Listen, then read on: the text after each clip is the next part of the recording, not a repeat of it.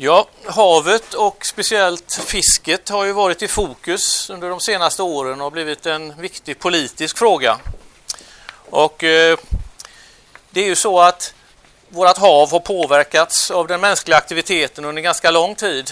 Och eh, fisket är då en av de eh, effekter som påverkar de marina systemen. Eh, vi har olika typer av utsläpp av näringsämnen och gifter men vi har också ett, ett kraftigt fiske av våra hav. Och det påverkar då eh, de marina systemen och näringsvävarna. Det här är väldigt komplexa saker. Det är någonting som man inte ser eh, från ytan utan det sker under vattnet. Det är väldigt svårt att observera för allmänheten och det är därför väldigt svårt att som politiker att agera, att göra någonting åt det som händer i havet. Men jag ska försöka förklara lite grann hur fisket då kan påverka det marina ekosystemet.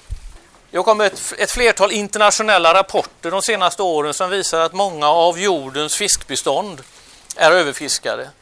Speciellt då eh, när det gäller de stora fiskarterna.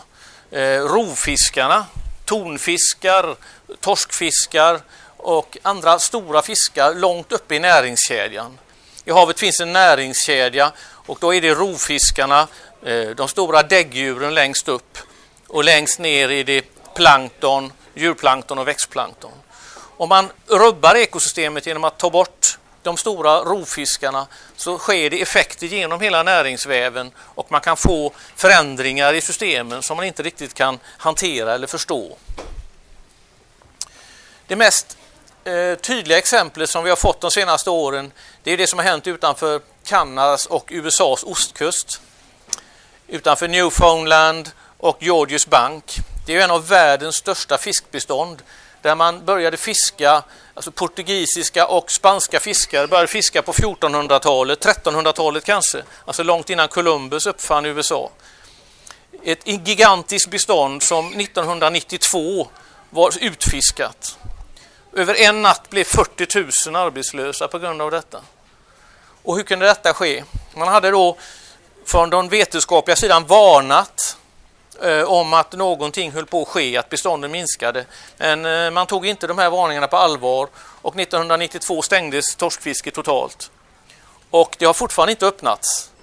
Alltså 16 år senare så finns det fortfarande inget torskfiske. Det är en av världens största torskbestånd. Hur ser det ut då i svenska vatten?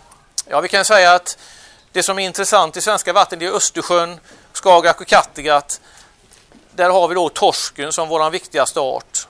Det är en bottenlevande fisk, det är en rovfisk högt upp i näringskedjan. Och det är den viktigaste ekonomiska fiskarten för det svenska fisket, framförallt då i Östersjön. Och eh, under de senaste 30 åren, sedan 70-talet kan vi säga, så har vi haft en kontinuerlig minskning av de här bestånden. Eh, bara för att ge några exempel på siffror. I Kattegatt som ligger utanför Göteborg här och ner eh, efter Hallandskusten så fångades på 70-talet cirka mellan 10 och 20 000 ton per år. Idag fångar vi 700 ton, eller alltså mindre än 1000 ton. Det är alltså 5 procent av vad vi fångade för 30 år sedan. Det är en gigantisk förändring. Jämför med att 95 procent av svenska skogen togs bort över 30-årsperiod så får ni perspektivet. Ingen av oss kan se detta, men det är alltså verkliga siffror. Men hur vet vi detta? Hur kan vi vara så säkra på det här? Det sker då regelbundna trålningar och undersökningar. 1992 startades de här 1972 startade de här undersökningarna. Och då alla nationer som har fiskevatten, Sverige, Danmark, Norge, Finland och så vidare, de genomför då regelbundna provtagningar som genomförs på samma sätt med samma redskap och i princip med samma båtar varje år. Man får inget absolut tal, men man får ett relativt tal. Man kan jämföra mellan åren. Och de här provtagningarna visar då att bestånden har minskat, som i Kattegatt, med ungefär 95 procent på 30 år. De, den här informationen som man får den rapporteras till Internationella havsforskningsrådet som heter ICS och de ger då en biologisk rekommendation till EU. Vi, le, vi lever då under EUs lagar när det gäller vårt fiske. Vi har alltså alla medlemsstater har ett gemensamt fiske inom EU. Och den här rekommendationen från Internationella havsforskningsrådet är då underlaget för de kvoter som EU delar ut. Kvoterna är då baserade på hur mycket har de här nationerna fångat historiskt? Hur mycket har Sverige, Polen och Danmark fångat i Östersjön historiskt? Och då får man en procentuell kvot, så Danmark får 12 procent och Sverige får 17 procent och Ryssland får 9 procent eller vad det nu kan vara. Och sen så får man då en, en gemensam mängd som EU tycker att man ska fånga. Det här är underlaget för den här, beståndsuppskattning eller den fångst som tillåts inom EUs vatten. Men om man nu har alla de här siffrorna och har följt detta från år till år, hur kunde det ändå bli så här att beståndet minskar med 95 procent? Vad är den felande länken här? På land skulle man ju aldrig tillåta att våra 95 procent av skogarna försvann. Man skulle slå larm och stoppa detta. Men under vattnet har inte detta skett. Och vad beror detta på? Det finns säkert många orsaker till detta. Jag tänkte försöka ge några svar eh, som då kanske är lite personligt vinklade.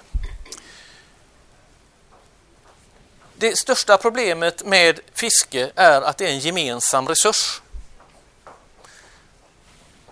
Och det andra problemet är att man delar ut kvoter. Varför är det så svårt med detta? Jo, kvoter är svårt att kontrollera. Att en nation får lov att fånga 12 procent av en viss mängd varje år är väldigt svårt att kontrollera eftersom fisket sker ute till havs, landningen sker kanske i olika nationer. Det är svårt att ha ett kontrollsystem för detta. Det är en sak.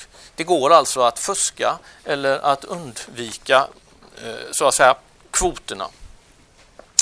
Det andra problemet är det är politiska beslut.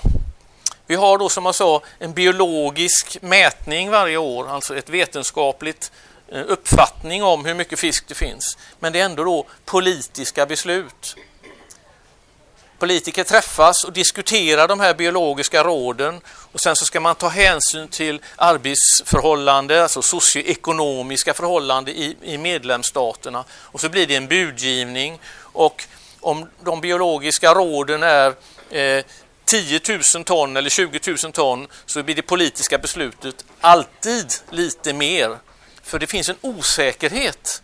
Man säger att det finns en osäkerhet i skattningen Forskarna kan inte exakt tala om hur många torskar det finns i havet och då finns det en osäkerhet som kanske är 20% eller 30% Politikerna väljer alltid då att lägga sig över för att inte riskera att fiska för lite.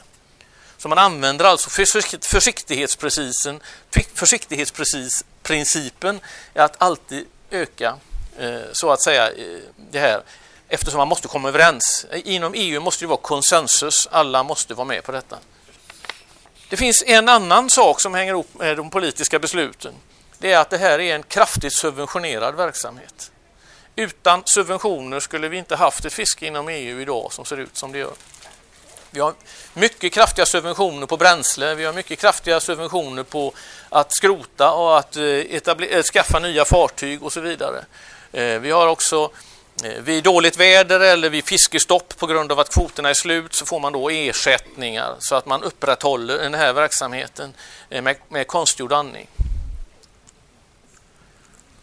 Men som jag sa, det här är en gemensam resurs och det finns något, ett begrepp som heter The Tragedy of the Commons på svenska allmänningens tragedi.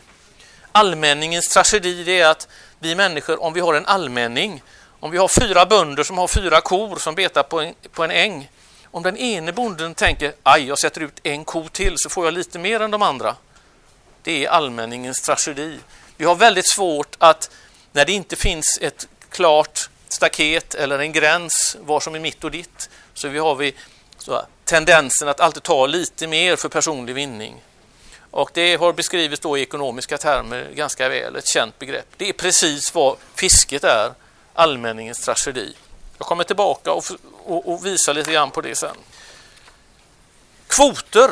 Ja, jag sa att kvoter var kanske en av de stora problemen när det gäller den här beskattningen av den gemensamma resursen. Och då är det många saker med kvoter. Jag ska bara peka på två saker som är väldigt tydliga. Om svenska yrkesfisket har fått en kvot i Kattegatt eller Skagerrak eller Östersjön så är det en mängd fisk som får lov att landas. Varje båt får en ranson som man får lov att föra i land varje vecka till exempel. då finns det något som heter uppgradering.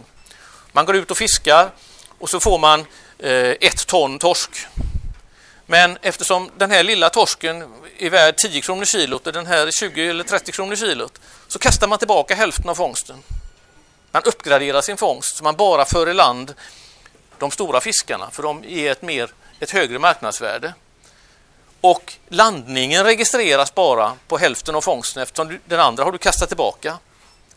Men alla de du kastar tillbaka, de fiskarna, de dör. Så det egentliga uttaget är ju dubbelt så stort. Förstår ni problematiken? Den andra eh, problemet med kvoter det är att många av våra fisken är blandfiske. Alltså man fiskar flera olika arter i ett fiske. Till exempel om man fiskar havskräfta, då trålar man efter botten. Då får man upp havskräfta som finns nere på botten. Men man får också upp plattfiskar som rödspotta, man får upp torsk och kolja och vittling. Men om kvoten är slut på torsk så fortsätter man att fånga havskräfta. Men alla torskarna man får upp måste man kasta tillbaka. Man får inte lov att landföra den här fisken. Ofta så tar torskkvoten slut kanske i oktober eller november. I Nordsjön är den redan slut för i år. Ni kanske har hört på nyheterna. Alltså svenska fiskares torskkvot är slut i Nordsjön i april. Men man får fortsätta att fånga havskräfta. Så alla bifångster i havskräftfisket måste kastas över bord. Alltså, den landade fisken bokförs inte. Och st största delen så dör den fisken man kastar tillbaka. Det är problemet med kvoter. Vad borde vi göra istället då? Varför har man hållit på med det här systemet så här länge när man har sett effekterna av det? Jag kan inte svara på varför man inte har ändrat systemet, men jag kan ge några förslag till vad vi borde göra istället. Man har nu insett detta och försöker att göra mer selektivt fiske. Alltså, man, selekt, man måste ha redskap som selekterar. Om man, om man är ute på älgjakt så drar man inte en trål genom skogen och så plockar ut älgarna och låter allting annat dö. Ungefär så går fiske till. Vi måste ha redskap som släpper ut fisken som är där man har en, en, en eh, kvot där, där, där, eh, som är uppfiskad. Så att man selekterar. Det går att göra sådana redskap som har flyktöppningar för vissa fiskarter och som bara fångar räka till exempel eller kräfta. Där måste man gå mycket starkare fram och lagstifta. Idag är det frivilligt, så upp till fiskaren själv. Men vi måste lagstifta om selektivt fiske. Till exempel om torskkvoten tar slut i oktober så kan man bara tillåta burfiske efter havskräfta. Man sätter ner en bur där kräftorna själva går in i buren. Där är inga bifångster. Det finns alltså möjligheter att lösa detta. Den andra saken man måste göra är att begränsa fisket i tid och i rummet. Idag är det i princip ett fritt fiske varje dag i veckan om man bara håller sig till kvoten. Men man måste med det lilla fiskbestånd vi har kvar och den, fortfarande den stora fiskeflottan så måste man begränsa fisket i tiden så att man inte får fiska mer än en, en begränsad tid av året. Det finns ingen annan möjlighet eftersom om, man inte får, om, man, om fisket är helt stängt så går det att kontrollera. Man kan se om båtarna är ute eller inte. Men var, om de är ute så kan man inte se vad de gör. Eh, till exempel i alla år sedan 70-talet så har man huvudsakligen fiskat torsken på torskens lekplatser. I januari, februari samlas torsken på en eller några få platser i Kattegatt. Resten av året är den utspridd och ganska tunt man får inte så mycket när man trålar, men just under januari och februari träffas alla de vuxna torskarna för att reproducera sig. Och då tar man större delen av sin, eh, sin inkomst. Man koncentrerar sig alltså när torsken är koncentrerad, för då får man kanske ett par ton per trålad timme istället för 100 kilo per trålad timme. Det är mycket mer effektivt att tråla när fisken är på ett ställe. Det här är då förödande. Man ska göra tvärtom. Förbjud allt fiske under reproduktionen. Så att man stänger fisket när fisken ska reproducera sig. Så de får vara i fred då. Sen som sagt, man kommer tillbaka till ekonomin. Den tredje, effekt, den tredje åtgärden som man omedelbart gör det är ju att minska eh, fiskeflottan. Vi har en, en översubventionerad fiskeflotta som skattebetalarna subventionerar. Jag tror det finns någon siffra om att EUs eh, gemensamma fiskeflotta Eh, där betalar då skattebetalar ungefär 50 procent av den verksamheten. Alltså den subventionerar till ungefär 50 procent. Det är en väldigt grov siffra, det kan vara fel, men någonstans där är det. Vi måste minska de här subventionerna så att det inte är lönsamt att bedriva ett fiske som är överbeskattar så att säga eh, bestånden. Till slut en eh, sista fundering kring detta. Och det är, vem är det egentligen som äger fisken? Vem äger havets ekosystem? Alltså varför har inte jag och min familj rätt att åka ut och fiska med en fisk? Varför har inte jag rätt att i rekreationssyfte bedriva fritidsfiske? Varför finns det en liten grupp i samhället som har ensamrätten på att beskatta fiskbestånd? Tillhör inte fiskbestånden och de marina ekosystemen nationen Sverige och dess befolkning? Lite provocerande, men eh, någonting att fundera över. Och hur ska den då förvaltas? Vem, vem bestämmer detta? Det är som man säger ett, ett budskap att ta med sig hem och tänka på. Ja, nu har jag på ungefär en kvart försökt att berätta om det här komplexa och svåra eh, ämnet. Jag hoppas att ni har fått en liten insikt i fisket, hur det bedrivs, vilka problemen är och framförallt det här med gemensam egendom, hur vi människor har svårt att förvalta detta.